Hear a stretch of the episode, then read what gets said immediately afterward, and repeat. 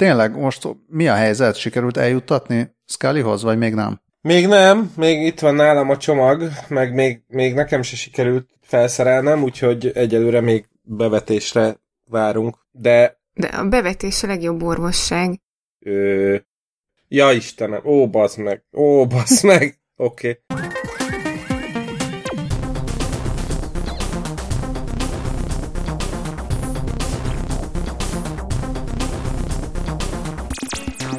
Drága hallgatók, szervusztok, jó estét! Ez itt a 20 perccel a jövőbe, 101. adásra. Nagyon szépen köszönjük a sok jó kívánságot a múltkori századik adásra hoz. Valami nagyon-nagyon zúg a fülembe. Nem tudom, hogy ez valakinél fúj a szél. Dávid még itt vagy? Dávidra tippelek. Én, én, én, itt, én itt vagyok, de nálam semmi változás nincs ahhoz képest, ami korábban volt. Akkor te voltál.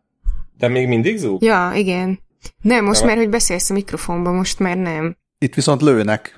Ö... Még elképzelhető, elképzelhető, hogy ez csak játék, de hát miután le... sikeresen lecsendesítettem, vagy próbáltam lecsendesíteni a családot, utána elkezdtek itt lőni, meg játékozni, valamint kutyák ugatni. Hát maradjunk nem nyer... játék plusz kutya Nem nyerhetünk. Másodszor is nekifutok a beköszönésnek. Ez itt a 20 perccel a jövőbe. Én Lövenberg Balázs vagyok, mellettem abszolút lélekben és szellemileg Scully.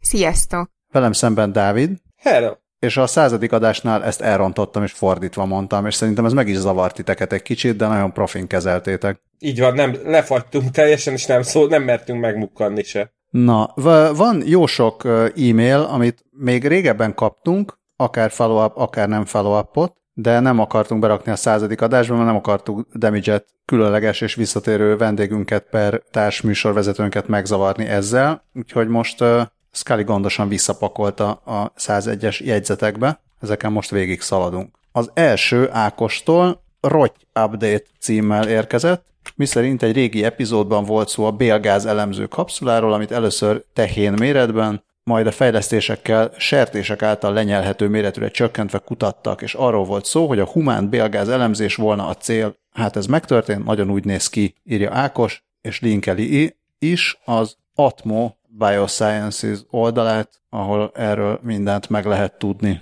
Ez egy humán bélgáz elemző kapszula. Ezzel mindent elmondtam. Ez abszolút, abszolút hiánypótló, viszont itt, itt is jegyezzük meg, hogy a, a tehenek és a metán kapcsolatát azt nem a hátuljukon távozó bélgáz okozza, hanem az elejükön. Ez nem változtat a hír értékén egy jottányit sem.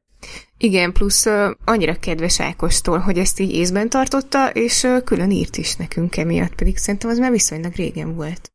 Mert mint amikor erről beszéltünk. Így van, így van, de drága hallgatók, bármilyen régi hírhez, bármilyen follow-upot nagyon szívesen várunk. Persze, minél régebbi hír, annál inkább érezzük a törődést. Olyannyira, hogy akkor én most gyorsan ezt a végén akartam mondani, mert a, az outro-ról kérdezett Barnabás és Réka, aki nagyon aranyos e-mailt írt, aminek a lényege az az, hogy a hetedik adás outróját nem találják sehol sem, hogy az milyen zene lehet, és ezt kérdezi Barnabás, vagy Réka, vagy és Réka. Szóval egészen a hetedik adásig visszamenő follow hogy fogalmam sincs, hogy mi a hetedik adás outrója, meg honnan van. Valahonnan, szerintem egyszer csak valahonnan leloptam, és beraktam, és volt, amikor már elkezdtem rászokni, hogy beírom kommentbe, az MP3 kommentjébe, hogy mi az outro, ez lenne a rendes dolog, de lehet, hogy épp akkor siettem, vagy nem figyeltem oda, és nem írtam be, így jártam, mert így most négy év után fogalmam nincs, hogy mi volt az. Bocsánat, Barnabás és Réka. Nem, nem lehet, hogy volt akkor, hogy Damage írt nekünk zenét? Olyan is volt, de szerintem és ezt nem Damage írta. Az nem. Visszahallgattam, Aha. tehát nem arról van szó, hogy most gondolkodtam rajta három másodpercet, rájöttem, hogy nem emlékszem, hanem azért annyira voltam gondos, hogy visszahallgattam, meg megpróbáltam lesazámozni, de valószínűleg Barnabás és Réka is annyi eszük volt, hogy lesazámozták és nem találták. A Shazam kiadott valamit, ami nem az volt. Úgyhogy... uh, Na, ez egy izgalmas ilyen crowdsourcing projekt. Igen. Drága hallgatók, mondjátok meg nekünk, hogy mi volt a hetedik adásunkban az outro zene. Légy Shazam, Shazam, te mindenem. Nem ez volt. Így, így. Azután következő follow-up a, a VR What We Are kukackasz.hu címre kaptuk Lámától. Ez ugye a Dalai Láma, aki kedves hallgatónk, ezt, ezt korábban már említettük, hogy képzeljétek, hallgat minket a Dalai Láma. Őszentséget és, is köszöntjük. Igen, És, és magyarul ír nekünk. És magyarul ír, igen, ez nagyon rendes tőle, mert tibetiül nem tudunk olyan jól, vagy hát nem tudom, lehet, hogy ti tudtok. Én nem, nem tudok annyira jól tibetiül.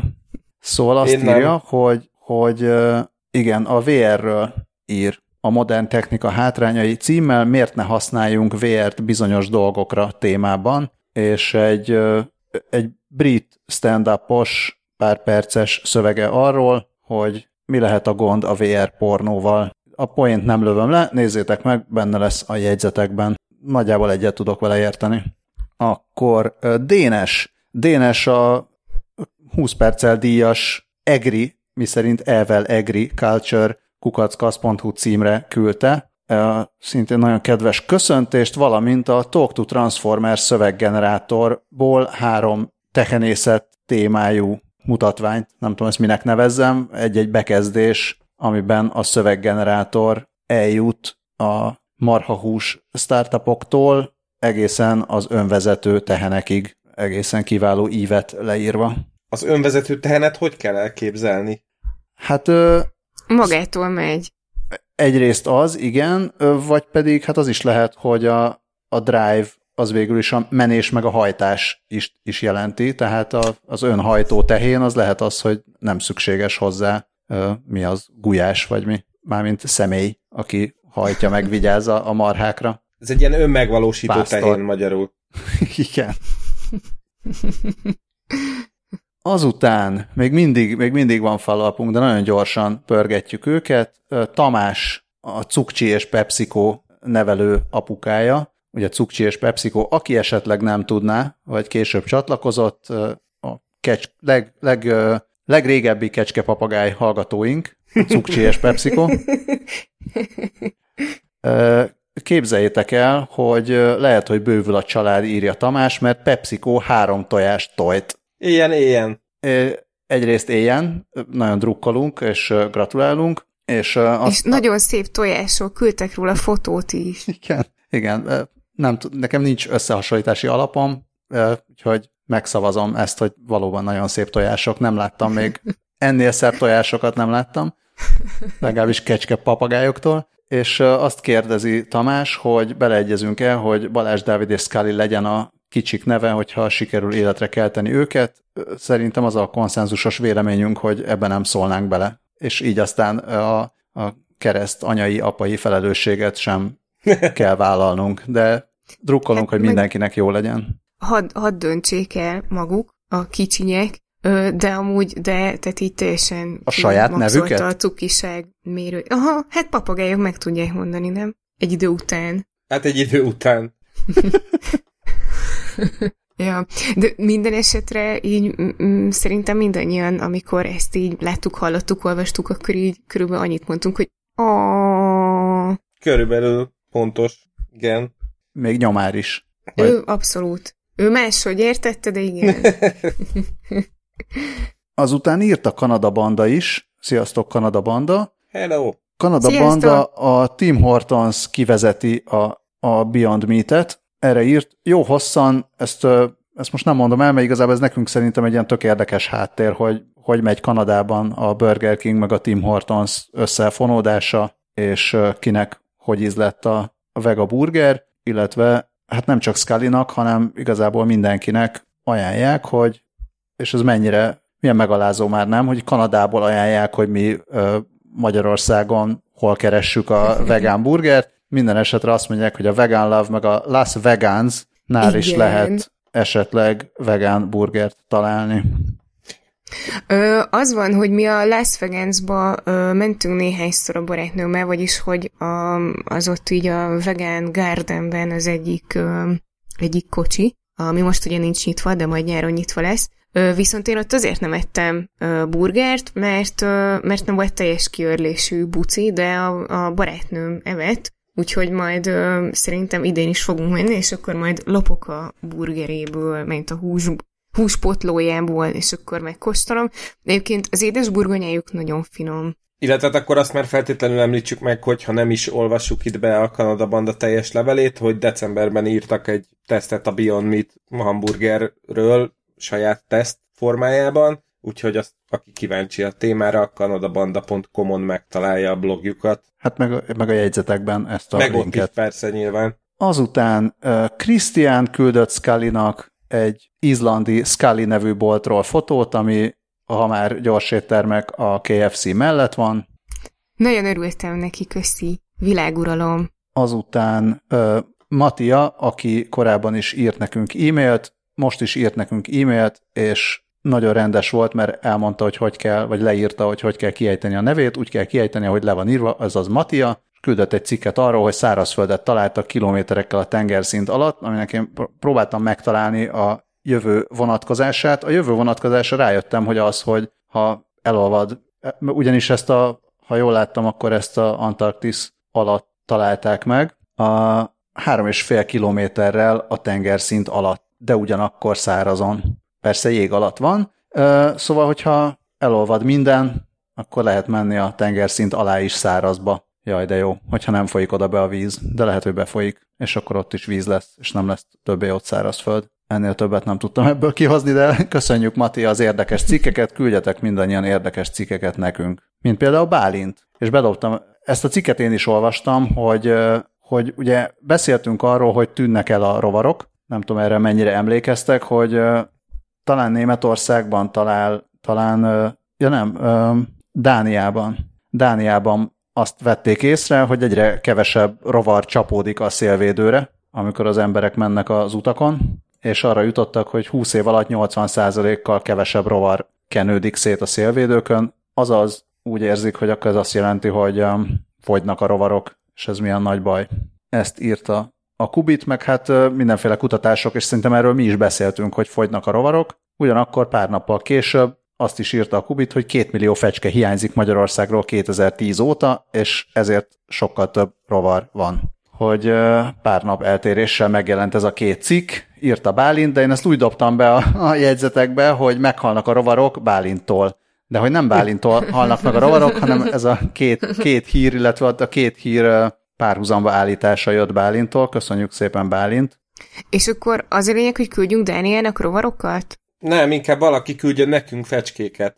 Ja. Azt egy egé- egészen megdöbben, ez teljesen, tehát ugye a technika világához nem sok köze van meg a jövő se, de nemrég ilyen teljes megdöbbenéssel olvastam, hogy egy csomó helyen így egyszerűen leverik a fecskefészkeket, mert így zavarja az embereket a madárcsicsergés, ami így... Hát, igen, igen, mert hogy reg- reggelente hangoskodnak. Hát annyiban azért van köze a, a jövőhöz, hogyha kevesebb lesz a fecske, akkor meg egy, egyáltalán kevesebb lesz a mindenféle állat, akkor felborul az ökoszisztéma, és akkor még jobban mind meghalunk, mint amúgy mind meghalnánk. Akkor attól halunk meg mind. Nem tudom, nálam itt a szomszéd építkezésen a, a melósok hangoskodnak reggelente, azt mégse vertem le őket. És levered őket?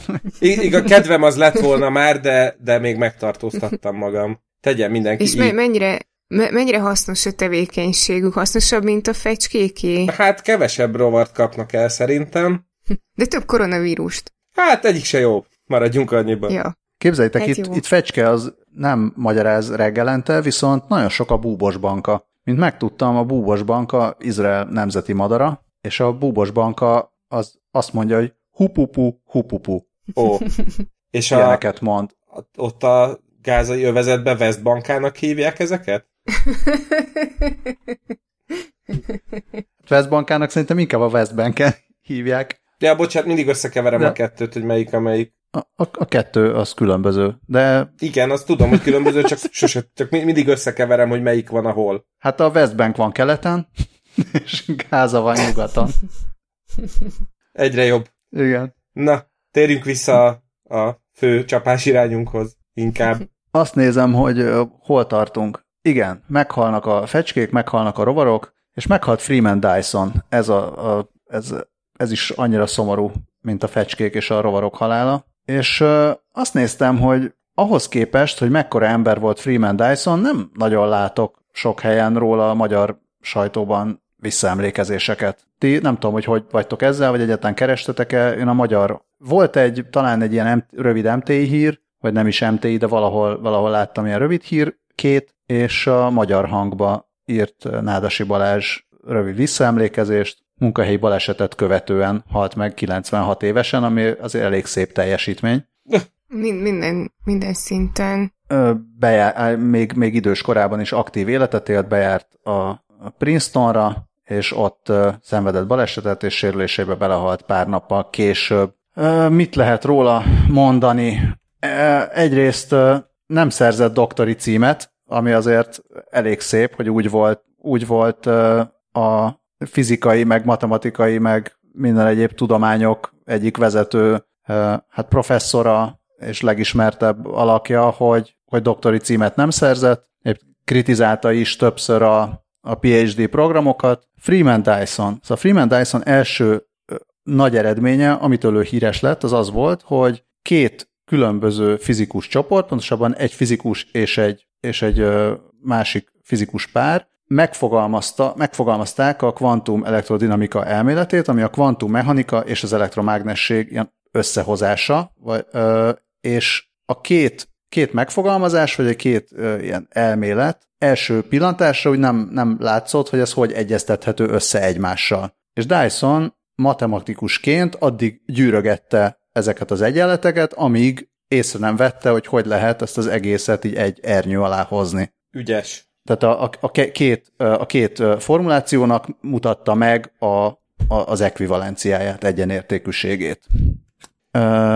De utána részt vett a, a, a űrkutatásban, a, hogyan lehet a, olyan a, a, ilyen nukleáris, nukleáris hajtóművet létrehozni, most nem tudom, ezt, ezt hogy mondják, ez a Nuclear Pulse Propulsion. Nuk- nukleáris impulzus hajtásnak nevezi a magyar Wikipédia. Ez olyan, mintha így wow. kicsi, kicsi atombombákat robbantgatnának a rakéta mögött, vagy, vagy nem? Ö, szerintem igen, olyasmi lehet. Illetve gondolom, hogy ezt ilyen irányítottan, hogy abba az irányba...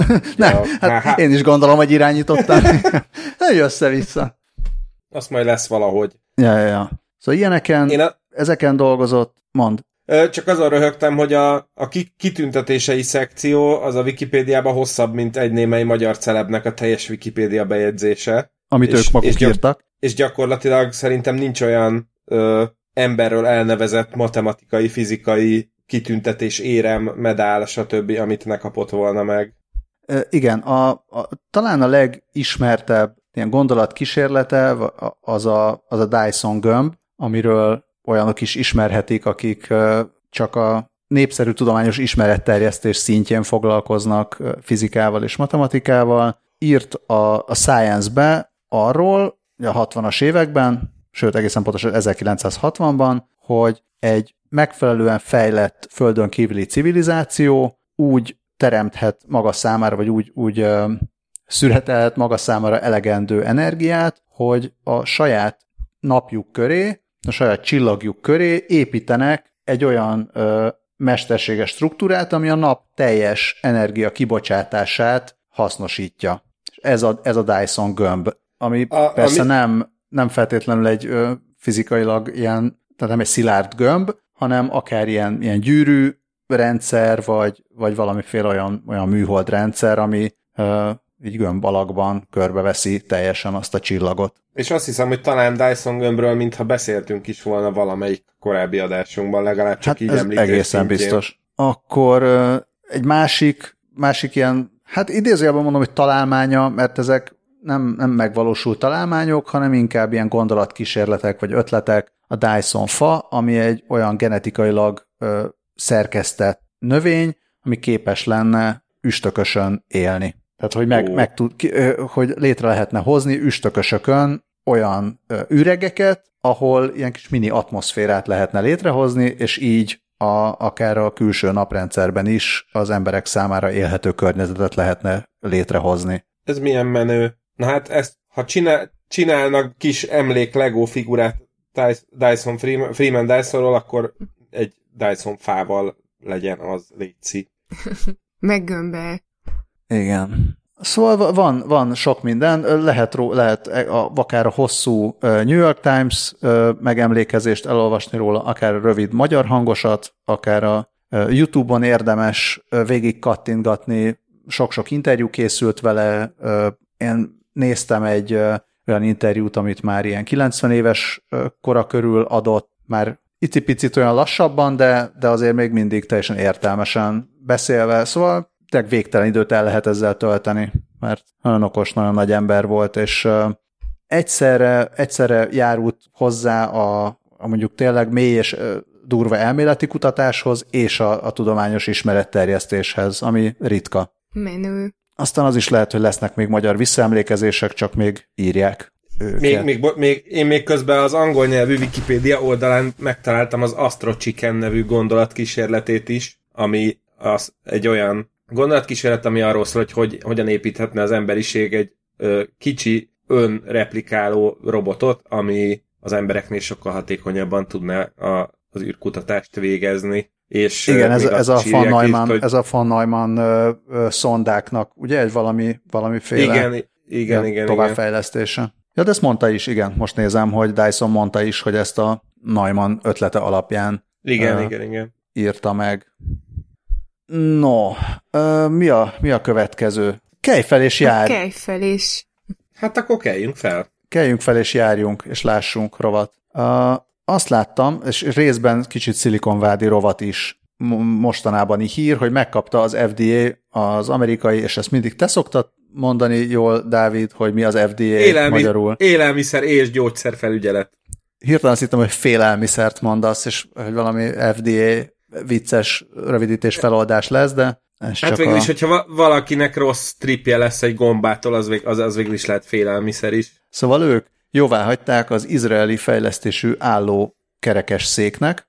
Ez egy olyan kerekes szék, amivel gomnyomásra fel is lehet állni. És ez igazából, ahogy most itt láttam, ez nem egy új koncepció. Először arra gondoltam, hogy na hát tényleg miért, miért nem csináltak még ilyet, aztán kiderült, hogy persze csináltak, meg lehet is ilyet kapni, Magyarországon is lehet, hogy nem ennyire dizájnosat, meg lehet, hogy nem ennyire automatizáltat, meg nem tudom, kurblival kell felkurblizni magad, hogyha ha fel akarsz állni az ülőhelyzetből, meg aztán lá- találtam egy indiai fejlesztést is, az is most az elmúlt egy évben írtak róla, hogy az első teljesen Indiában dizájnolt és legyártott olyan kerekes szék, amiben fel is tud állni a, az ember. És igazából csak azért raktam bele mégis, bár nem egy nagyon új dolog, mert, mert valahogy ilyen éppen meg privilegizáltan egyáltalán nem gondolunk bele ezekbe a dolgokba, mm-hmm. vagy mhm. legalábbis én, én nem gondoltam bele, hogy tényleg mennyire mennyire sokat adhat már az egy mozgássérült embernek, hogy nem egész életében csak ül, hanem, meg nem tudom, néha lefekszik, hanem ugyanúgy tud akár állva is közlekedni, állva oda menni, nem tudom, állva írni a táblára, vagy, vagy beszélgetni másokkal.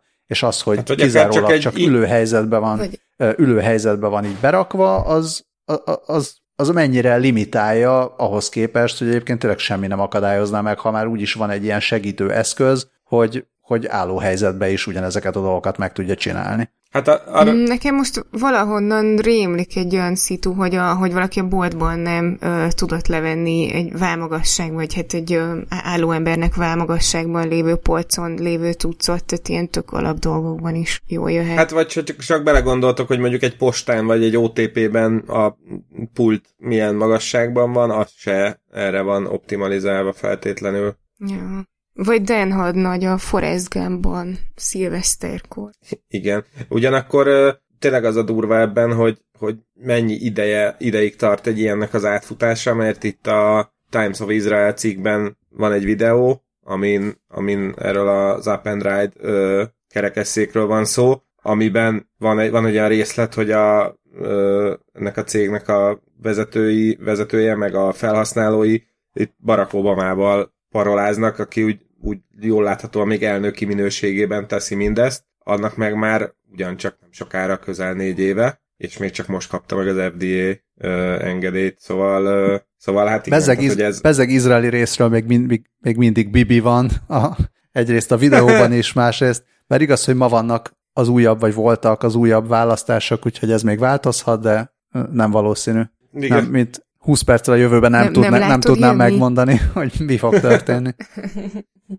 Szóval nem látod jönni? Nem, nem látom jönni, bocsánat, nagyon szép átvezetés, pedig csak azt akartam Gyönyörű. mondani, hogy esetleg, hogyha hallgatnak minket olyanok, vagy ha vannak olyan hallgatóink, akik maguk is érintettek ilyesmiben, akkor nyugodtan írjanak olyan fejlesztéseket, amiket ők olvasnak, és ami elkerüli a figyelmünket, nem akarunk éblistek lenni. Nem, nem tudom, mi az ébliszt ellentéte, de minden esetre hát, tényleg érdekelnek ezek a fejlesztések, mert egyszerűen nem, nem valahogy így nem, nem gondolunk bele egy csomó olyan dologba, ami, ami pedig milyen jó lenne. Igen, például, hogy egy látássérült ember is ö, játszhat ma már videójátékkal, legalábbis a Singularity Hub cikke szerint. Ö, ott írják, hogy már több mint egy évtizede dolgoznak a illetve több mint egy évtized eltelt az ott, hogy az első mesterséges retinákat ö, beültették volna, viszont egy csomó olyan ember van, aki azért nem azért nem lát, mert baj van a retinájával, hanem mondjuk a látó idegével vannak problémák, és egy új spanyol kutatás segíthet ebben, a, ami a vizuális információk jeleit teljesen a szemet megkerülve egyből az agy vizuális lebenyébe küldi, és említenek egy Bernadette Gomez nevű nőt, aki 15 évvel azután, hogy elvesztette a látását, toxikus optikai neuropátia miatt, majd, majd ezt megnézzük, hogy ez pontosan micsoda, vagy hát a kedves orvos hallgatók is megírhatják. Szóval ez a, ez a Bernard, Bernadette Gomez nevű nő 15 évvel azután, hogy, hogy már nem lát, egy új kísérleti technológia segítségével képes volt felismerni fényeket, betűket, formákat, sőt embereket is, és még egy ilyen egyszerű videójátékkal is tudott játszani, aminek a vizuális jeleit egy implantátum segítségével közvetlenül az agyába küldték be.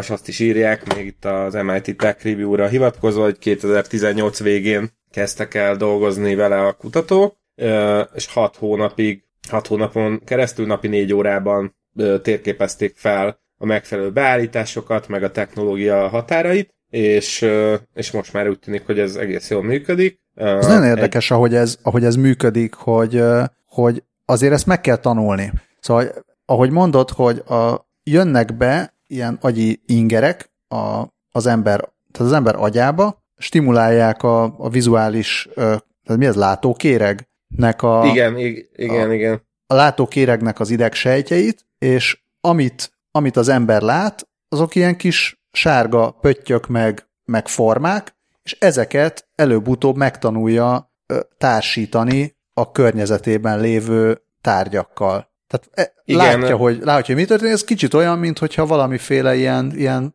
alacsony felbontású képet látna a világról. Már maga ez is egy, egyfajta videójáték-szerű ö, megoldás. Nem? És egy, egyrészt igen, és egy korábbi adásunkban nem, nem erről a spanyol fejlesztésről, hanem egy másik ilyen uh, mesterséges szem cuccról beszéltünk, mert én konkrétan emlékszem azokra a képekre, amiket a, akkor uh, a konkrét cikk mellé csatoltak, ami, ami, amiben nagyjából ez, ez látszott, hogy, hogy a lakásban úgy tudott eligazodni a, annak a kísérletnek az alanya, hogy, hogy ilyen egyszínű pöttyökkel a sűrűbben, meg, meg ritkábban elhelyezkedő pöttyökből kirajzolódtak a, az egyes tárgyaknak a körvonalai, és ugyan azt nem láttad, hogy milyen színű az asztal, de azt láttad, hogy ott egy asztal, annak nem, és akkor annak nem mész neki. Gondolom ez is valami hasonló elven működhet. Azt írják még itt a Singularity hub egyébként, hogy Gomez volt az első, akin tesztelték ezt az új megoldást, de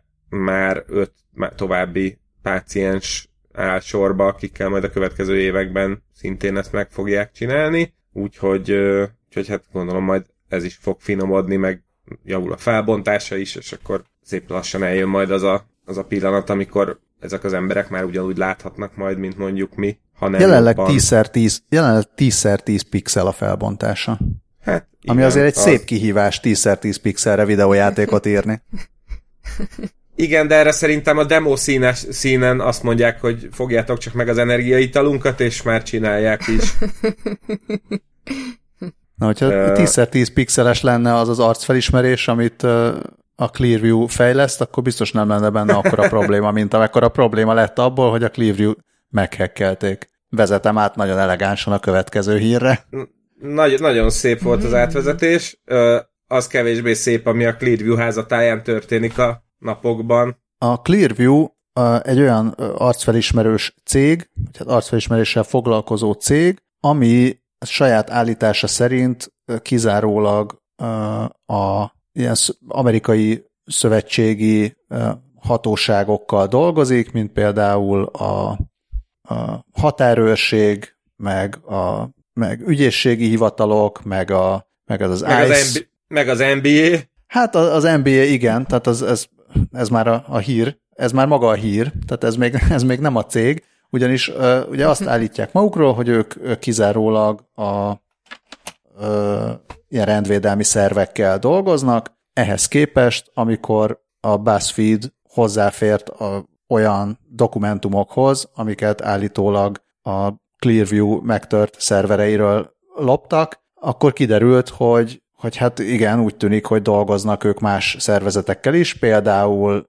ugye sport egyesületek, vagy ilyen sportszövetségek, mint például az NBA, vagy egy szaudarábiai kutatóintézet, vagy ö, olyan kereskedő, vagy hát ilyen, mik ezek, ilyen nem, nem nagy kereskedések, hogy hívják ezeket? Tehát ilyen szupermarketek, mint a, mint a Best Buy, a Walmart, vagy a Macy's. Ezek mind-mind dolgoztak a Clearview-val, ami, hát most azt mondanám, hogy végül is az, hogy egy rendvédelmi szerv arcfelismerő céggel dolgozik, ezt lehet nem szeretni, de mégiscsak az ember már úgy elfogadta, hogy ez van, de az, hogy elmegyek egy kosármeccsre, és másnap az arcom benne van ugyanabban az adatbázisban, mint a, mint a határőrség adatbázisa, vagy a rendőrségé, az már egy picit lehet, hogy izgatóbb dolog. Persze a Clearview azt mondta, egyrészt a Clearview, másrészt az összes ilyen cég, mint a kezdve a Best Buy-tól az NBA-ig, mindenki azt mondta, hogy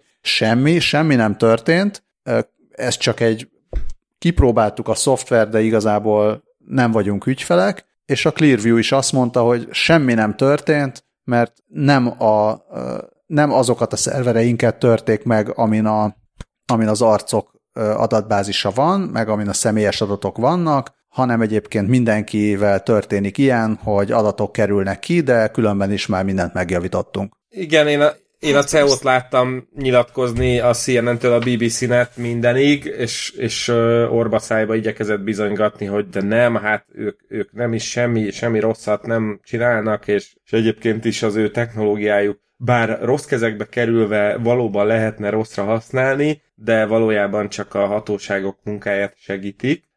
Most utána olvastam ennek a jó embernek, akinek már a neve megér egy misét, mert úgy hívják, hogy Juan Ton Det, vagy Dat, vagy Tát, nem tudom, hogy vietnámiul hogy kell ezt a szót kiejteni, aki, hát ez egy dolog, hogy nem végezte el az egyetemet, de hát ugye az, az manapság már szinte kötelező egy ilyen menő Silicon Valley cégnél.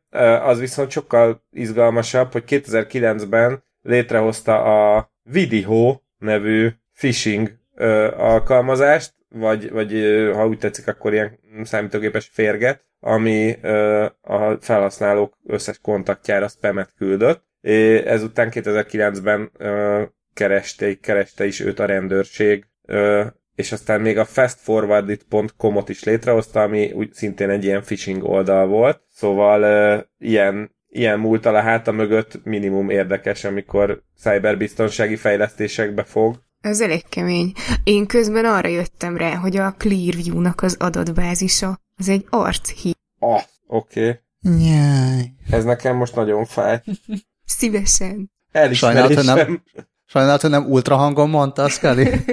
oh, igen, igen, bár ki tudja, hogy akkor mi történt volna a telefonokkal, ugyanis ez, ez, a, ez a mai nap ijesztő híre. Bár természetesen ugye a Silicon Valley-ban a Ben Gurion Egyetem kutatói már before it was cool megcsinálták mindezt, de azért a biztos, ami biztos, ma az Index is már megírta, hogy ultrahangokkal törtek fel androidos és iOS-es készülékeket, és ezt most ezúttal a St. Louis Egyetem, St. Louis Washington Egyetem kutatói követték el.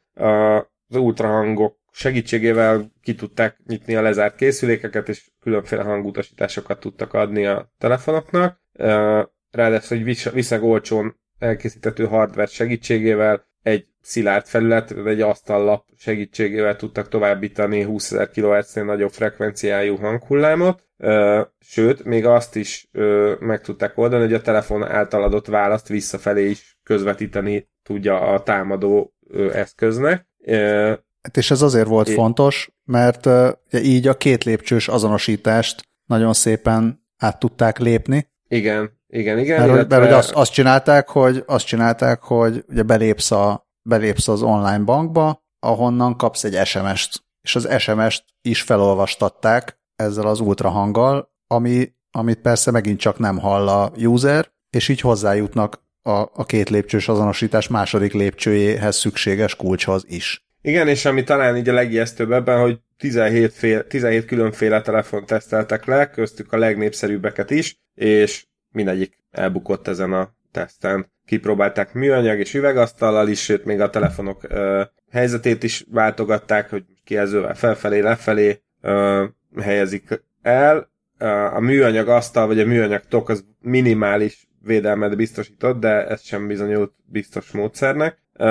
Igazából azt írják, hogy a kézenfekvő megoldás az lenne, ha a gyártók beleépítenék a készülékekbe a, egy, egy olyan elemző rendszert, ami érzékeli, hogyha ultrahanggal próbálják támadni, de egyébként már az is segítene, hogyha a mikrofok helyét és mikrofonok helyét és kialakítását is más hogy oldanak meg, de egyébként, hogyha bárki nagyon megijedt ettől az egésztől, akkor az a legegyszerűbb módszer, hogyha nem az asztallapra, hanem valami puhára teszi rá a telefonját, mondjuk egy pulóverre, és akkor ilyen módon nem lehet támadni még. Hát meg gondolom, én most így azon gondolkoztam, hogy a, hogyha így itt van közvetlenül mellettem a telefon, akkor így látom, hogyha érkezik rá egy SMS a netbankomhoz egy belépési kóddal, és hogyha nem én akartam bejelentkezni, akkor lehet, hogy gyanút fogok, hogy valami gond van. Hát igen, de ez mondjuk ehhez az is kell, hogy folyamatosan nézd a telefonodat, és ha mondjuk, nem tudom, leülsz este filmet nézni, akkor nem biztos, hogy folyamatosan a telefonodon van a szemed, például. Persze, persze, nem, meg, a, tehát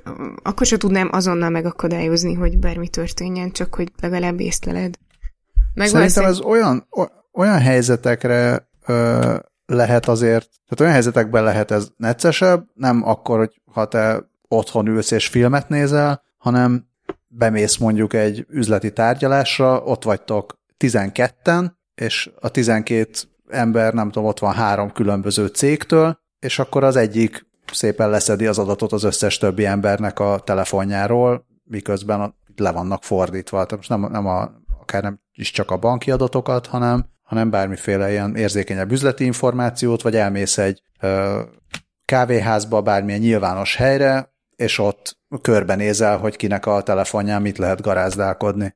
Szerintem bármi ilyen exploit, az általában nem a... Hm, Ja, nem az ilyen otthoni. Nem feltétlenül, hát, vagy nem is, nem is az, hogy nem, nem az otthoni, hanem nem feltétlenül így egyes ember szempontjából ö, veszélyes, hanem, hanem azért lehet veszélyes, mert mondjuk körbenéznek tízezer emberen, és akkor lehet, hogy a tízezer emberből csak húsz az, akitől ki tudnak szedni banki adatokat, de akkor annak a húsznak meg leszívják az összes pénzét adott esetben, vagy szépen átutalják máshova. Ja, jogos, a, azt nem akartam mondani, hogy egyáltalán nem érzem veszélyesnek, csak így elkezdtem azon gondolkodni, hogy így mikor vennéd észre, hogyan vennéd észre ilyenek. Hát ezért jobb a kétfaktoros a két lépcsősnél, és ezért azt nem tudom, hogy ezzel a lock screen-t is, tehát nem, nem hiszem, hogy ezzel úgy fel tudják törni a telefont, tehát nem fogják kitalálni ezzel a jelszavadat, hanem hogyha lock screen, úgy van beállítva a telefonod, hogy lock screenről egy csomó dolog megcsinálható, akkor, akkor lehet probléma. Nem? Tehát van olyan, hogy, hogy lock screenen is azért el tudod olvasni az üzeneteket, amik jönnek. Uh-huh. Meg hát olyan is van, van olyan, nem tudod elolvasni. Va- meg van olyan, ugye rosszul, rosszul lefejlesztett appok esetében lehet olyan, hogy a lock screenre megjön valami értesítés, a, egyből az értesítést kinyitod, ugye, hogy egyből belelépj a kérdéses abba, és hogyha ez nem jól van megcsinálva, akkor onnan már vissza tudsz lépni a menübe, mintha simán kinyitottad volna a telefont. Persze le, azért gondolom, vagy le, remélem, hogy ezt azért így 2020-ra már tényleg csak az ilyen nagyon béna appok csinálják. Ja, és még annyit a... akartam ehhez az egész hírhez hozzátenni, hogy ha már hülye nevek, itt az egyik kutató, aki megszólal a, a, a, a fejlesztők közül, az Ning Chang mérnök informatikus, akit én nincs hangnak olvastam a fejemben. Tökéletes. Ott viszont van hang. Nem is annyira ultra. történik? Ja, ez nálam van. Hoppá, én meg rögtön a Teve utcát gyanúsítottam. Na szép. Itt, itt viszont ritkán hallasz ilyen hangokat. Nem, felén vannak az izgalmas programok. No, és uh, próbálkozom. Nem, nem, nem. Valaki, valaki tényleg így kétségbe esetten nézem, hogy valaki ügyesen átvezet, vagy pedig itt teljesen hát ilyen prostó a... módon egyszer csak elkezdem a következő hírt. Ja, az izgalmas én programokra kérdezni, hogy... akartam. Jó, oké, mindegy. I- igen, én, én azt akartam megkérdezni, mitől jönnek izgalomba az ARVR programozók. Hát gondolom attól, hogyha kapnak valami jó kis állásajánlatot. A Vox Recode oldalán olvastam mostanában, hogy most jó ARVR programozónak lenni, mert irgalmatlan mértékben megemelkedett az igény irántuk, ami azt jelenti, hogy 2018 és 2019 között 1400 százalékkal gyakrabban akarnak a cégek interjú, interjúzni ARVL programozókkal. Na szépen vagyunk. Ezek 2010 kettő-háromban, amikor a rengeteg jó augmented reality ötletet kitaláltuk? Hol volt ez még? Hát akkor sem voltunk mi programozók, úgyhogy lehet, hogy akkor is már kerestek, csak nem azt keresték, hogy valami hülye ötletet hozzá be nekik, hanem ki az, aki ezt meg is csinálja. lehet, hogy már akkor is ez volt a probléma. Minden esetre a, az összes többi menő programozáshoz képest a gamingben csak olyan 140% os az emelkedés, ilyen számítógépes computer vision-ben is, keresésben, machine learningben nagyjából olyan 90%-os emelkedés, tehát persze minden emelkedik, full stack programozókat csak ott, ott csak 5%-os ez az emelkedés. Szóval full stacknek már nem menő lenni. És hát a blockchain is lefelé evickél, ha jól látom, vagy legalábbis csökken az érdeklődés a maga 9%-ával. Hát, igen, igen. És a, hát a blockchain az, az egy ilyen pár éve ö, volt állítólag pár éve volt ilyen nagyon-nagyon menő, akkor volt olyan év, amikor, amikor 500%-kal nőtt a kereslet, vagy hát ilyen ötszörösére, hogyha magyarul akarunk beszélni, nőtt a kereslet irántuk, ez azóta csökkent. És, és hát ezzel foglalkozik a cikk, hogy persze ők is tudják, hogy most az elmúlt tíz évben már, már az volt, hogy most már aztán jövőre tényleg itt van az AR és a VR aranykora, ez még mindig nem valósult meg, viszont csak 2000 19-ben több mint 7000 szabadalmat jegyeztek be ezen a területen, a legtöbbet a Microsoftnál, ahol, ahol több mint 700-at jegyeztek be az elmúlt 5 évben, utána jön a Samsung, a Huawei és a Facebook, ezek mind 500 fölötti talán, szabadalmaztatott találmányjal rendelkeznek ARVR területen. Láthatjuk így az éves növekedést is, hogy mondjuk 2015-ben még csak ilyen 2000 valahány száz volt a bejegyzett szabadalmak száma, utána követ 2016-ra ez megugrott 6000-re, 2017-re már 7000 fölé ugrott. Tehát úgy tűnik, hogy, hogy a cégek, persze ez a, ez a szabadalmi bejegyzés, ez is olyan, hogy, hogy ezek a nagy és gazdag cégek bejegyeznek minden szart, és aztán lehet, hogy 20 év múlva valaki kijön valamivel, ami nagyon messziről hunyorogva nézve kicsit hasonlít arra, amit ők korábban bejegyeztek, és akkor elküldik az ügyvédhordákat, és a pusztulásba perlik a szerencsétlen feltalálót, szóval lehet, hogy erről van szó, de hát az is lehet, hogy most már tényleg itt az AR Kánaán. Még azt mondják, hogy itt valószínű, hogy a, az AR lesz a jövő, tehát a VR-t azt nem annyira látják, legalábbis a Rico által megszólaltatott szakemberek nem a VR-ben látják a, a nagy lehetőségeket,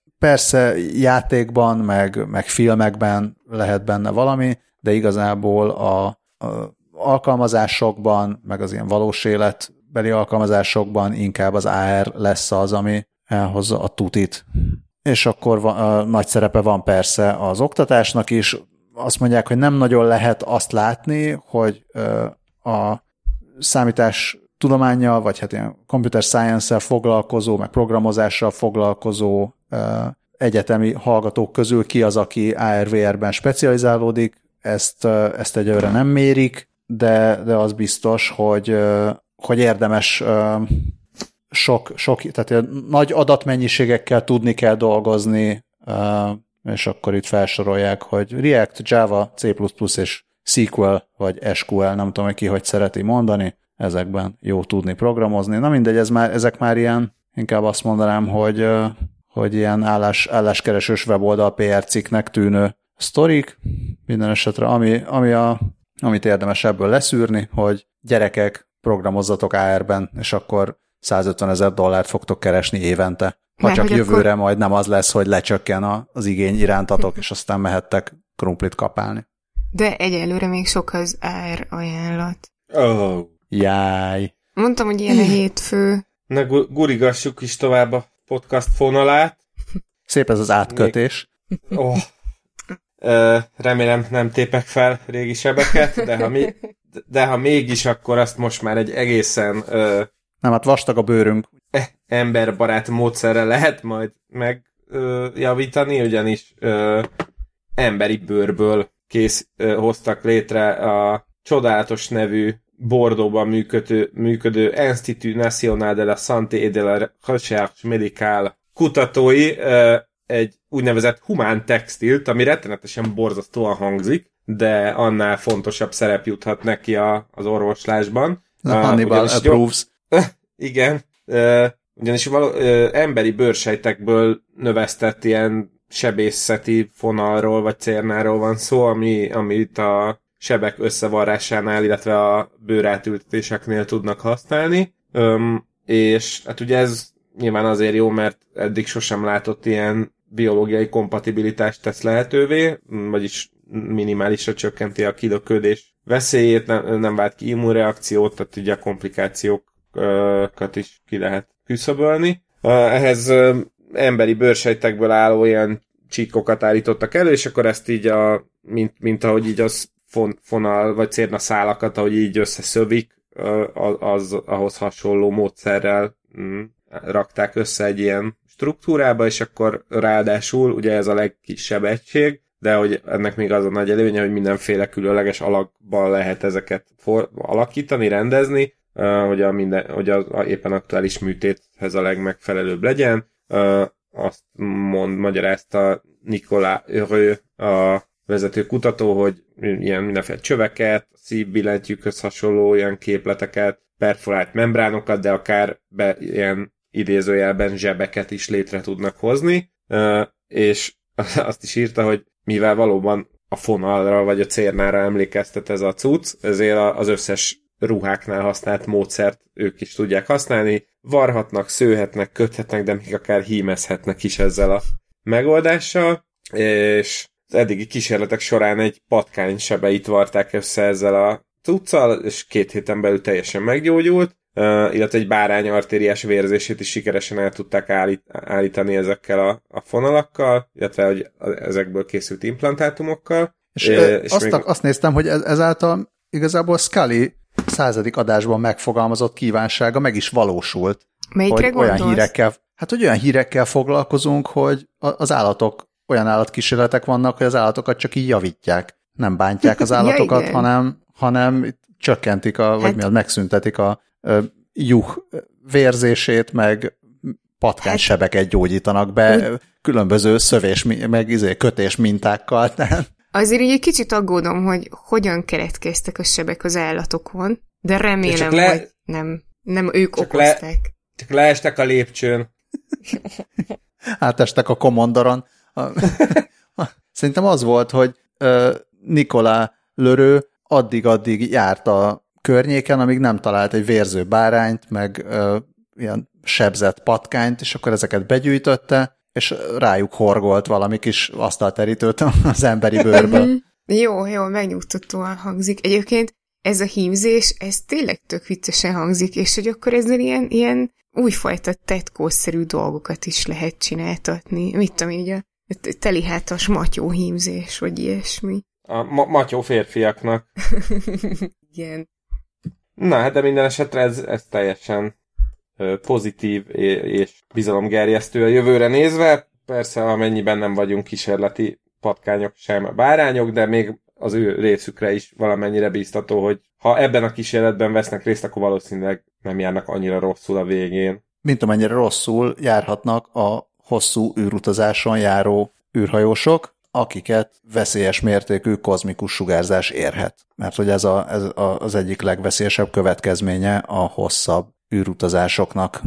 Még szerencse, hogy egy kutatócsoport rájött arra, hogy lehet, hogy hát ha nem is a sima rozsda, de egy speciális rozsda az egyik legjobb anyag lehet arra, hogy megvédje a bent tartózkodókat a sugárzástól. Tehát lehet, hogy Már egyszerűen is- csak ki, kell hagyni az esőben az űrhajót. Már is komoly karriert ö, vizionálok a Magyar űr, űr kutatási hivatal munkatársainak, akik majd az első magyar űrhajóval felmehetnek. Ja, a, a North Carolina állami egyetem és a Lockheed Martin közös kutatásában ö, jelent meg az az eredmény, hogy a, az oxidált, oxidálódott fémek, különösen a gadolínium, zárójelben római hármas, vagy III, vagy LLL, nem tudom, de valószínűleg hármas. Tehát gadolínium oxid 30%-kal több sugárzást tud elnyelni, mint bármi más, vagy hát nem elnyelni, hanem blokkolni, mint bármi ha más. Úgy amiről, ki a nevét, akkor, tudtam.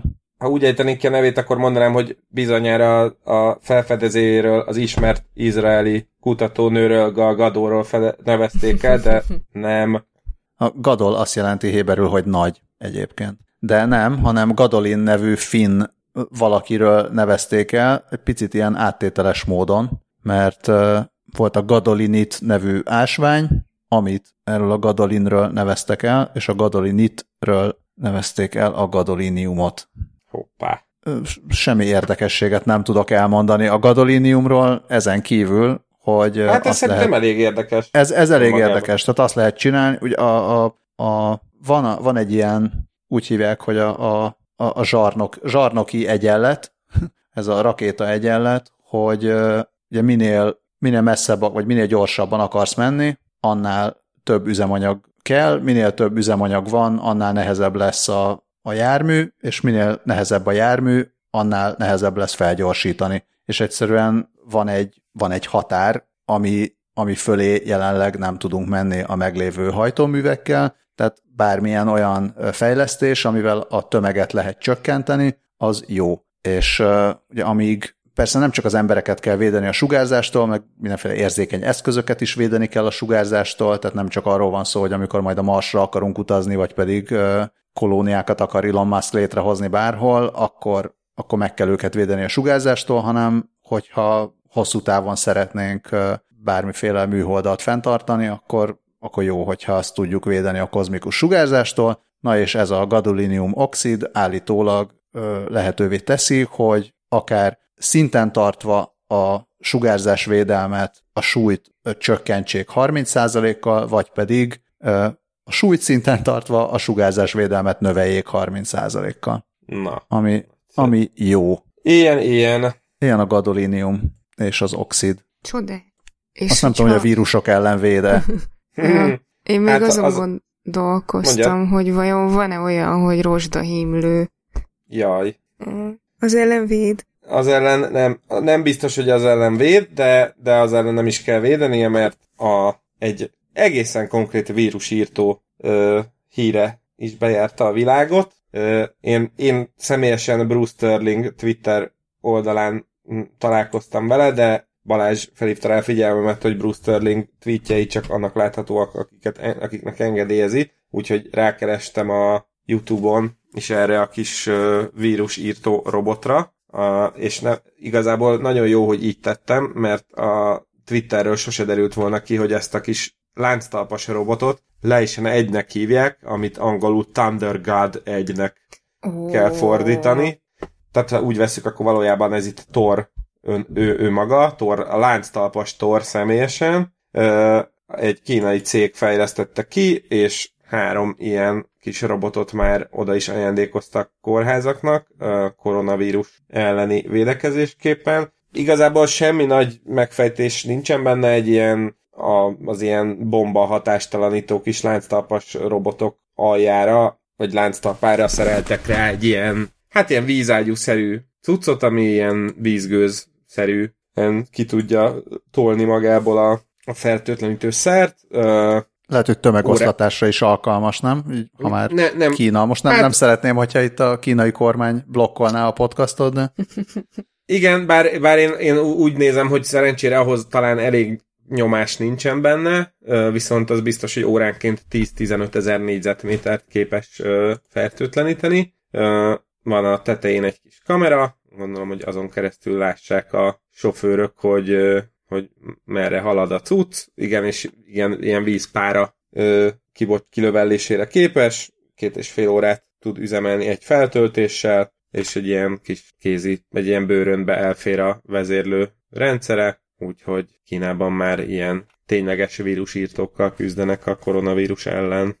Ez így ennyit tud ez a hír, csak ilyen kis érdekességként gondoltam, hogy, hogy bedobom ide. És hát a, azt hiszem, hogy talán az Index is megírta még a múlt héten, vagy ö, ja nem, nem is már, mert két héttel ezelőtt ugye, mert a századik adás miatt egy hetet ugrottunk, hogy a Vogue ö, magazin nem akármilyen videóval jelentkezett, ugyanis hát Billy Eilish a napjaink egyik felkapott fiatal zenész tehetségét interjúvolták meg, de nem az egyik újságírójukat kérték fel erre, hanem egy egész konkrét robotot, vagyis egy AI-t egész, egészen pontosan. Te itt átvezetted uh, saját magadat egyik híredből a másikba? Hát mivel hát, nem dobtunk fel neki labdát. Igen. Igen. volt.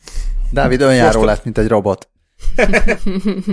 igen, és uh, hát több, több szempontból is érdemes megnézni szerintem ezt a videót. Az egyik az, hogy Billy Eilish arckifejezése vagyok egész végig, mert ő így nem teljesen érti, hogy most ez így mire volt jó, meg úgy egyébként is, meg, és hát és, első kézből bárki megtapasztalhatja, hogy ez milyen, amikor az embert kevésbé felkészült újságírók kérdezgetik, ugyanis a, a, úgy, úgy zajlott le ez az interjú, hogy ez az AI ö, reporter előtte rákeresett, hogy mik, az, mik a, a leggyakrabban keresett kérdések Billy eilish kapcsolatban, és akkor ilyen kérdéseket tett fel neki. Na most nyilván ezek nem a legérdekfeszítőbb kérdések, és, és hát így akkor néhányszor zavarba is jön a fiatal énekesnő.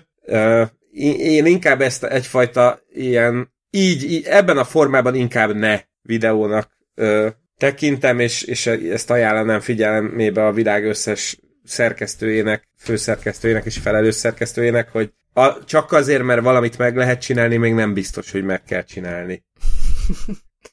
Hát meg egy csomó, csomó kérdés olyan, ami teljesen összefüggéstelen. Hát én tényleg azért nem teljesen értem, hogy ennek mi értelme volt, mert most már értem, hogy mi értelme volt, mert persze nyilván kattint az ember, meg végignézi, és akkor jó, de, de nem arról van szó, hogy milyen érdekes itt a neurális hálózat kitalál kérdéseket, és akkor azok jók, hanem abszolút ilyen szósaláta kérdések kerülnek bele, amin persze lehet röhögni, meg mi is szoktunk röhögni, amikor kitalál a neurális hálózat hülyeségeket, de de itt tényleg azt láttam, és be is, be is linkeltem, hogy van ez a jelenség, a pareidólia, amikor az ember arcokat lát tárgyakba, meg, meg mintázatokba, tehát hajlamos az ember mintákat keresni, és akkor talál is persze. De igazából a káoszban is találsz mintákat, hogyha nagyon szeretnél, meg észreveszed a smiley-t a marson. Szóval körülbelül ezt éreztem ezeknél a kérdéseknél, amikor, amikor megkérdezte a, az AI, hogy hányszor láttad már a, nem tudom, buborék végét, és a, most körülbelül ilyen, ilyen szintű kérdések, és akkor ezzel lehet röhögni, meg a Billy is nagyon rendes, hogy nem, nem olyan, mint majd lesz gondolom 30 év múlva, amikor, amikor majd ezekre majd egyszavas válaszokat ad, és akkor néz a kamerába, hogy hagyjuk abba, hanem most még, most még tök aranyosan így próbál valamit kihozni belőle, és álmélkodik, hogy na hát milyen ilyen kérdést tettek nekem még fel, és próbál valamit kihozni belőle. De most azt is lehet persze, hogy odaültetünk egy majmot, és akkor húzzon ki egy kalapból hat szót, és akkor abból alkossunk mondatokat, és arra is lehet válaszolni valamilyen módon, meg tök jó az a játék is, amikor leírsz egy mondatot, és behajtod, és a következő ember meg másik mondatot ír rá, csak de valóban, szóval ez, valamit az ember beszívva, vagy öt évesen megcsinál, és röhög rajta, és akkor van, amire meg egy szerkesztőség munkáját azt mondja, hogy akkor most ez a három ember két napig dolgozzon ezen, és ne pedig valami máson, és ez jön ki belőle. Igen, igen, csak a, az öt majom, meg amikor a papírt hajtogatod, az nem mesterséges intelligencia, és a mesterséges intelligencia szexi. Most. Hát igen, egy kicsit ez érződik szerintem a Billy eilish is, hogy, hogy így odavitték, hogy nézd, nézd, de jó, te ilyen menő fiatal vagy, azt találtuk ki, hogy akkor téged majd egy AI fog kérdezni, és akkor egész végig ez van az arcán, hogy de, de miért, illetve hogy ennél jobb ötletetek nem volt? Ja, és akkor az a szerkesztő, aki arról elmondott, hogy ez jó lesz, annak a Billy belógott a keze. Hát szerintem az a szerkesztő az most arra szűk, bő 3,2 millió YouTube-os nézettségre mutogat, hogy de nézzétek meg, ennyit hozott. Amire mondjuk, ha jelennék a főnök, akkor azt mondanám, hogy édesfiam, a nemzetközi vógnál mondjuk tízszer ennyi lenne az alapelvárás, és akkor beszélgessünk innentől fogva, de lehet, hogy én vagyok túl szigorú. És, a, és akkor jól elmennek büfébe is főzni.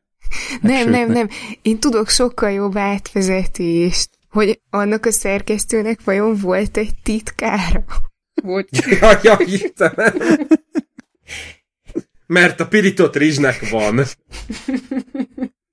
ne ragudjatok, hétfő. Én nem haragszom, nem, nem, mert bármikor, amikor, amikor leírom ezt a szót, hogy rájöttek a valami titkára, akkor eszembe jut ez a vicc, és nagyon örülök, hogy sikerült valamilyen módon beleraknod. Szóval kínai, nem kínai, hanem a Georgia Tech egyébként kínai származású tudósai rájöttek, Hu és Ko rá, rájöttek a tökéletes pirított rizs titkára. Bo- de bocsánat, azért, bocsánat, elnézést, azért a Kónak a teljes nevét említsük meg, mert hogy Hungtang Kónak hívják, és akkor a Hungtang klán az már csak egy lépésre van innen. Nekem ez most nem esett le, bocsánat. Hát, hogy mint a Wutang, nem mindegy. Ja, Már... Nekem, nekem leesett, én, én kacagtam. Köszönöm, okay. köszönöm. Hagy, hagyjuk is ott, ahol, ahova leesett. Hát a másik az pedig Dávid, hú, ami az én, ami a én reakcióm. Erre. Ja.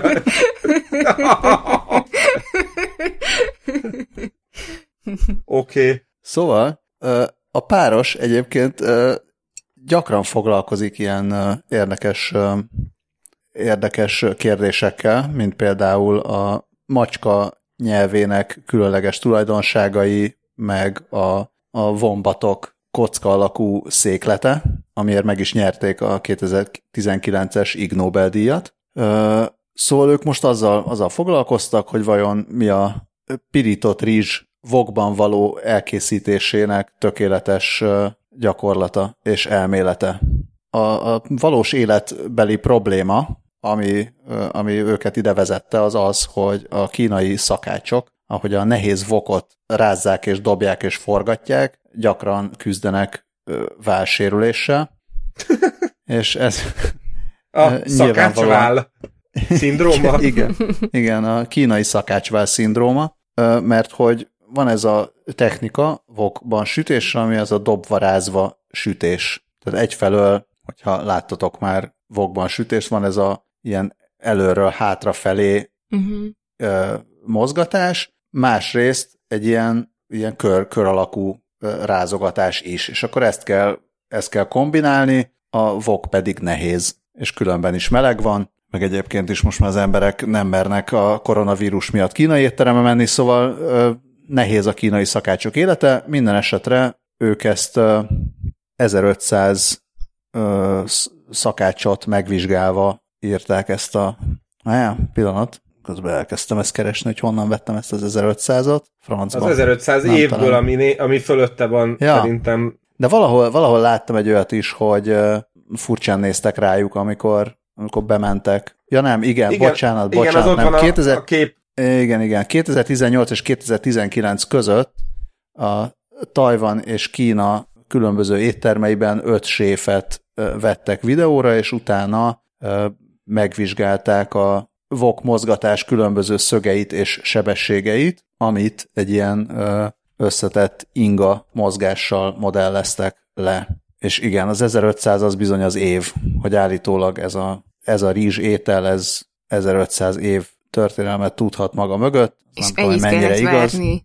Igen, ennyit kellett várni arra, hogy meglegyen ennek a tudományos alapja, és ez alapján azt javasolják, hogy a séfek azok gyakrabban ö, ö, dobálják egyrészt, növeljék a frekvenciáját annak a mozgásnak, amikor így ez az előre-hátra dobálása a rizsnek, másrészt a fáziskésést növeljék a kétféle mozgás között. És ez hozzá segítheti a rizst, hogy magasabbra ugorjon, vagy hát így magasabbra tudják dobni, és közben jobban hűl és jobban keveredik a, a rizs. De hogyha magasabbra é... lehet így dobni, akkor ilyen esküvőkön is jó lehet. Mert akkor pirított rizssel dobálják a jó népet, ilyen olajossal? Hát egy hát kellemeset nem, nem a hasznossal.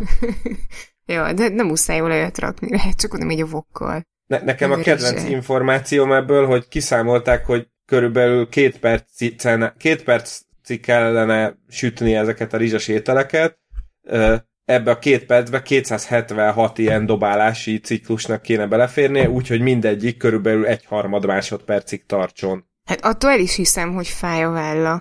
hát azt én is. Ugye De nekem egy kicsit, vállat. nekem egy kicsit gyanúsak ezek a kutatók, szerintem taj van a fejükön.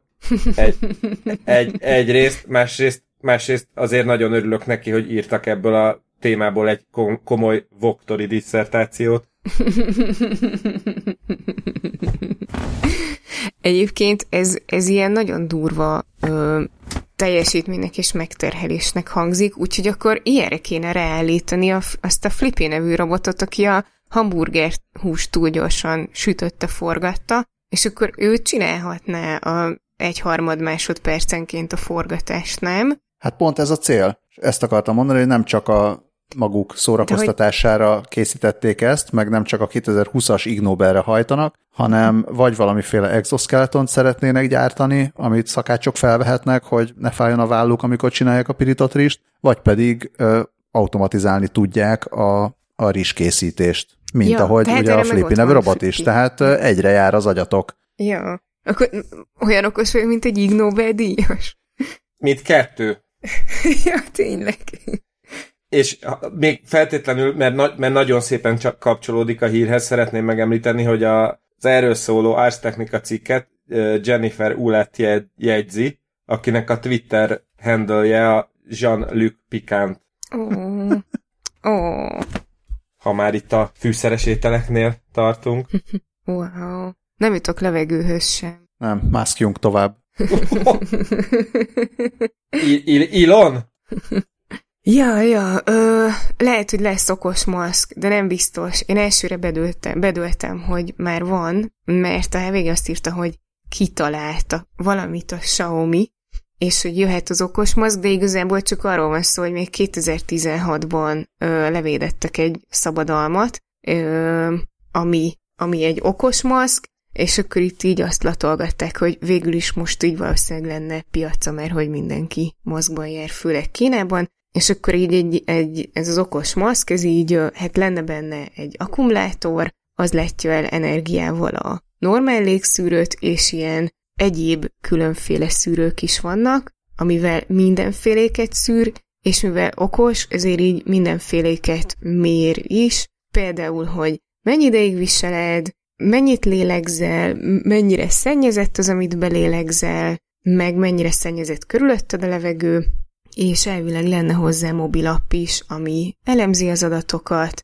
és még tippeket is ad, hogy hogyan lélegez egészségesebben, és észleli a légzési rendellenességeket, és még arról is szól, ha esetleg változna a tüdőkapacitásod. Nekem elsőre az jutott eszembe, hogy ismerek egy pár embert, akire nagyon szívesen ráadnék egy okos maszkot, hogy legalább a látszat meglegyen.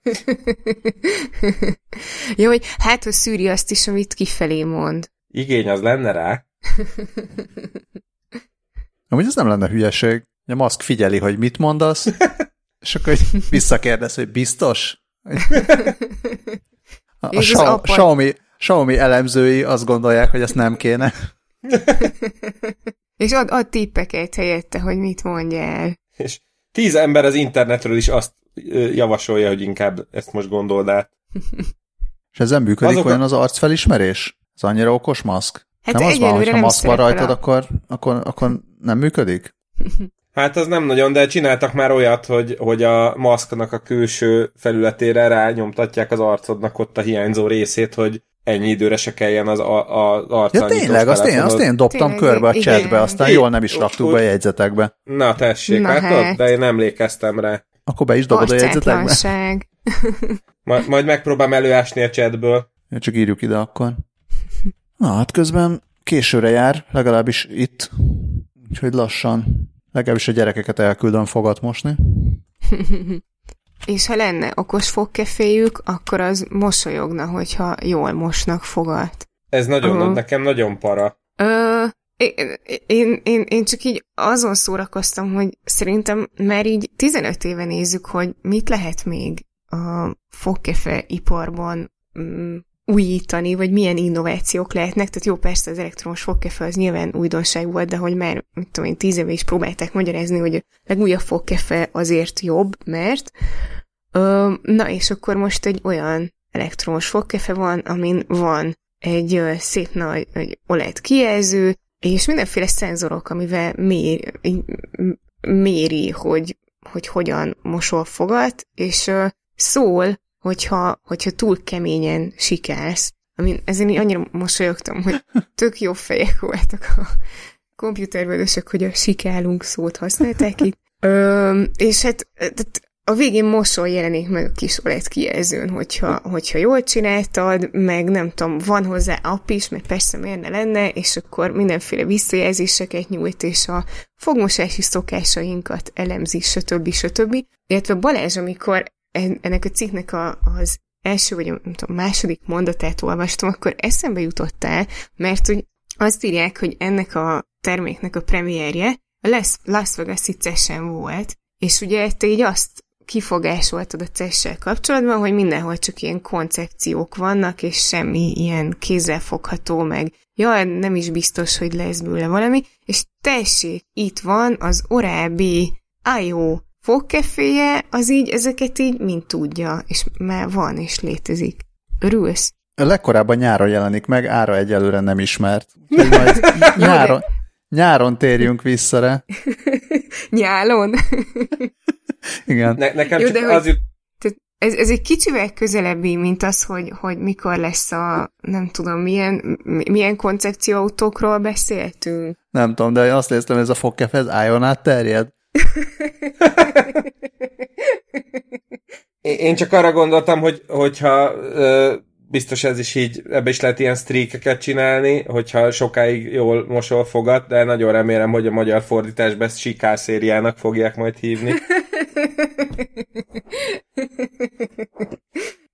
Illetve még az jutott eszembe, hogy Scully mondtad, hogy mit próbálunk még beletuszkolni a, a fogkefékbe, hogy ti emlékeztek még arra, amikor kb. mi gyerekek voltunk, és az ilyen iskolai fogorvos látogatás során lehetett kapni ilyen, ilyen színező tablettákat, amiket fogmosás előtt szét kellett rágni, és addig mosni a fogadat, amíg már nem látod az elszíneződést? Nem fordítva van, hogy fogmosás után Igen, rágod hogy... szét, és akkor megszínezi a lepedéket, ami szerintem még most is van. Le, lehet, lehet, na de hogy, hogy ez a kérdés, hogy, hogy ilyen még létezik, mert hogy én, én, nekem ez így tökre nem egyértelmű, vagy szóval én, én ugye a fogkefe, szájöblítő, fogsejem, szent háromság, meg hát fogkrém mentúl nem, nem léptem az elmúlt években. Jó, és úgy, így... úgy, emlékszem, úgy emlékszem, hogy még a, az én gyerekeimnél is volt valami ilyesmi iskolában, iskolai fogorvosi látogatáson, de lehet, hogy csak halucinálok, de mint hogyha, mint hogyha ez még lenne. Viszont a fogsejemről de... meg mostanában mondogatják, hogy de annak még sincs. Most még nem, annyira jó. Egyikünk sem fogorvos, tehát nem, nem mondunk semmit, de én csak azt mondom, hogy már olyanokat is olvasni, hogy igazából nem az, hogy árt vagy használ, de hogy se árt, se használ. Szóval hogy nem, uh-huh. nincs igazán jelentősége, mondják egyesek. Hát igen, pedig lehet, hogy ez a, lehet, hogy ez a, nem tudom, háromból négy fogorvos, ez a negyedik fogorvos, aki azt mondja, hogy... Igen, a lényeg az, hogy a dentális egészség nagyon fontos. Az is. És a dentál higiénés szakértőkre is figyel, oda kell figyelni. Viszont, drága hallgatók, ha ti tudtok erről az elszínezős, akár, akár így, akár úgy elszínezős tablettáról, akkor így mondjátok már meg nekünk, Mi, hogy az Szeretnél, mi... vagy? Ez, ja. Küldjetek teszttablettát. Ne, am, amúgy így, csak így a puszta kíváncsiság miatt akár igen, tehát hogy, hogy lehet, hogy, hogyha megtudom, hogy mi ez, akkor veszek egy adagot, csak így egy próbából, hogy ré, rég ja. voltán igaz se volt rovatunkban. Ja, ez fogas kérdés. Igen. Jaj, hát egyszer csak elfogytak a hírek. Ja, de én, én úgy örülök, hogy a végére Dávid így hozzám fáradt. Le- lehet, hogy én már az elején is voltam olyan fáradt, csak... Ja, igen, nem hagytalak csak... szóhoz jutni. Csak el, igen, annyira fáradt voltam, hogy elfelejtettem. ja, tök jó. Na, ez olyan kis rövid kelet most, olyan kis kompakt. Igen, pedig egyébként én amikor megláttam az olvasói leveleket, akkor néztem, hogy úristen, ez nagyon hosszú adás lesz ma, mert nagyon sok Szeretnéd olvasói végigolvasni? akkor most... Kaptunk. Gyerekek, akkor most uh, kedves hallgatók, uh, Dávid felolvassa esti mesének fogmosás utánra, felolvasuk az összes olvasói levelet. Igen, de Balázs és már elmegy aludni addig. fogmosás után. Ja. És most az, hogy a Patreon támogatóknak adjuk ki a rövidebb részt, és, és aki nem, nem támogatnak, végig kell hallgatni. Ne, nem akarom itt lesz, mert tényleg tök jó, tök jó leveleket kapunk, amiket igyekszünk belőle azért kiszedni a lényeget, de a nem lényegnek is nagyon örülünk, mert azok meg nagyon kedves szavak nekünk, amiktől Igen, jó érzés lesz nekünk, és szebbeket álmodunk így fogmosás után. És a vicces Abszolút. e-mail címek meg mindig külön melengetik a szívünket. És egyre jobbak. Meg... egyre jobbak, meg, meg hogy pont az ilyenekből ö, látszik, hogy, hogy, hogy tényleg érdekli az embereket, amit, amit csinálunk, meg amiket mondunk. És ez nagyon jó érzés. Ja, apropó, Dávid írt a podcastokról az újságba, és nagyon aranyosan, részben disclaimerként, részben, hát én remélem, hogy ajánlásként, de megemlített minket is. Köszönjük, Dávid! Na, és akkor köszönjük szépen hallgatók, nem akarom elhúzni, ha már mondtam, hogy ez így rövid lett, lehet, hogy néhányan örültek, hogy ez most rövid, lehet, hogy igazából a korábbiak voltak túl hosszúak, majd valahogy beállunk így 2020-ra is. Jó éjszakát mindenkinek, továbbra is szeretjük a megosztásokat mindenféle platformokon, ha nem Facebookon az a legjobb, nem tudom, mondjatok más közösségi médiákat, ahol jobb megosztani. Köszönjük az iTunes ötcsillagos ajánlásokat, azokat majd Scully felolvassa, hogyha lesznek újak. Nagyon szépen köszönjük a Patreon támogatásokat, amiket uh, úgy megjelentek új Patreon támogatók meglepő módon. Wow, és e- sziasztok! A, sziasztok! És a Patreon támogatások eredményét majd remélem, hogy talán a következő adásban fogjátok is hallani, amikor David és Scully felszerelik a még egyen jobb mikrofonálványt és popfiltert, úgyhogy majd igyekszünk olyan híreket bevenni, amiben sok a P betű, meg ilyenek. ja, úgyhogy jó éjszakát, szerbusztok! Sziasztok! Hello!